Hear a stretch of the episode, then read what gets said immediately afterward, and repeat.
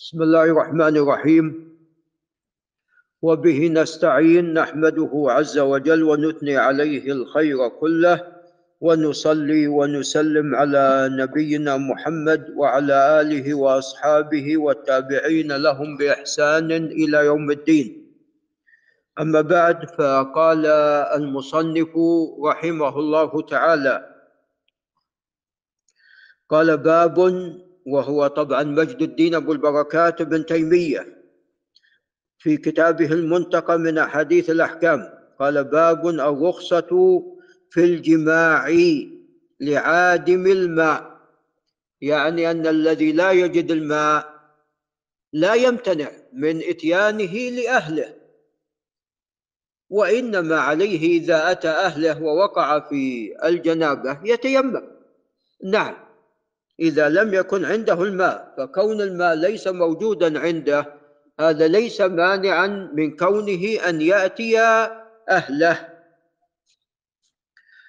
قال عن أبي ذر الغفاري جندب بن جنادة رضي الله عنه من بني غفار قال اجتويت المدينة.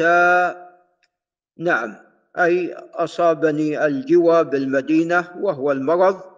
فأمر لي رسول الله صلى الله عليه وسلم بإبل. أمره أن يخرج خارج المدينة.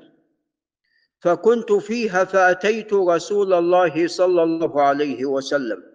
فقلت هلك أبو ذر. عندما كان في الصحراء كان تصيب الجنابة.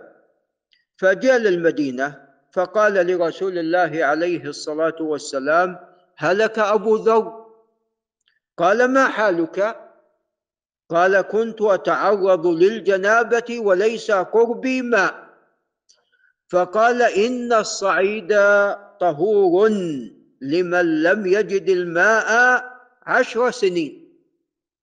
يعني لو لو لو لم تجد الماء عشر سنين وهذا يعني نادر أو يعني بعيد فتيمم.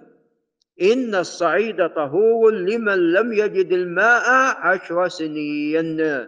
رواه أحمد وأبو داود والأثرم وهذا لفظه والترمذي وقال حسن صحيح. فهو حديث صحيح. قال باب اشتراط دخول الوقت للتيمم. هذه المسألة محل خلاف بين أهل العلم.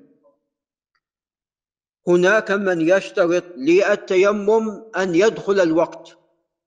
يقول لا تتيمم قبل دخول وقت الصلاة. يعني مثلا صلاة العصر. يقول لا تتيمم لها قبل أن يدخل وقتها.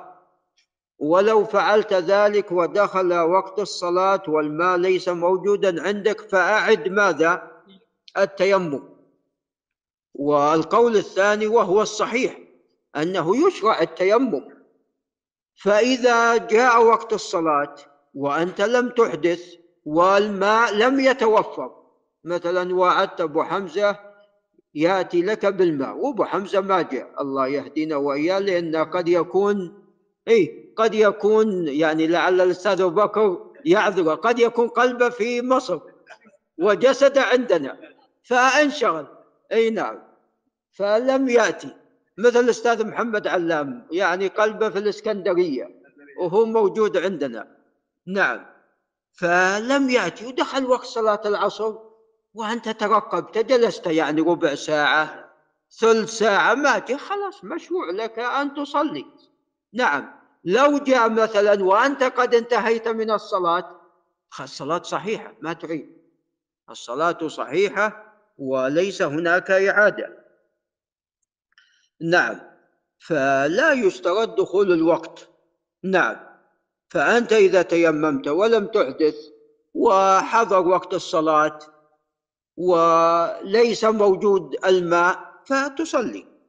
قال عن عمرو بن شعيب وهو عمرو بن شعيب بن محمد بن عبد الله بن عمرو بن العاصي رضي الله عنهم قال عن أبيه شعيب وشعيب من التابعين وعمرو من أتباع التابعين.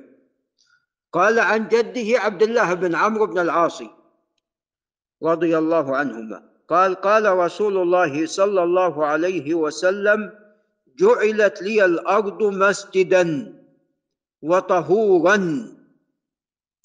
كيف مسجد؟ تصلي حيثما؟ نعم أردت حيثما تيسر لك. الأرض الأصل فيها الطهارة الا ما كان تعلم أنه نجس نعم لا تصلي عليه. جعلت جعلت لي الأرض مسجدا وطهورا أينما أدركتني الصلاة تمسحت وصليت. نعم. تمسحت يعني بالتراب وصليت.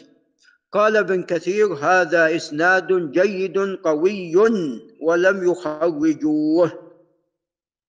نعم. قال وعن أبي أمامة صدي بن عجلان الباهلي رضي الله عنه توفي عام 86 تأخرت وفاته أن رسول الله صلى الله عليه وسلم قال جعل جعلت الأرض كلها لي ولأمتي مسجدا وطهورا فأينما أدركت رجلا من امتي الصلاة فعنده مسجده وعنده طهوره والمقصود بالطهور هو التراب هذا هو المقصود. ولعل نقف عند هنا. نعم حديث أبي أمامة وحديث عمرو بن شعيب رواهما أحمد. آمين. إي نعم أعطنا إسناده. نعم صحيح. عدم وجود الماء؟ عدم وجود الماء فلم تجدوا ماء فتيمموا. نعم. أعطنا إسناد أبو ناصر. اي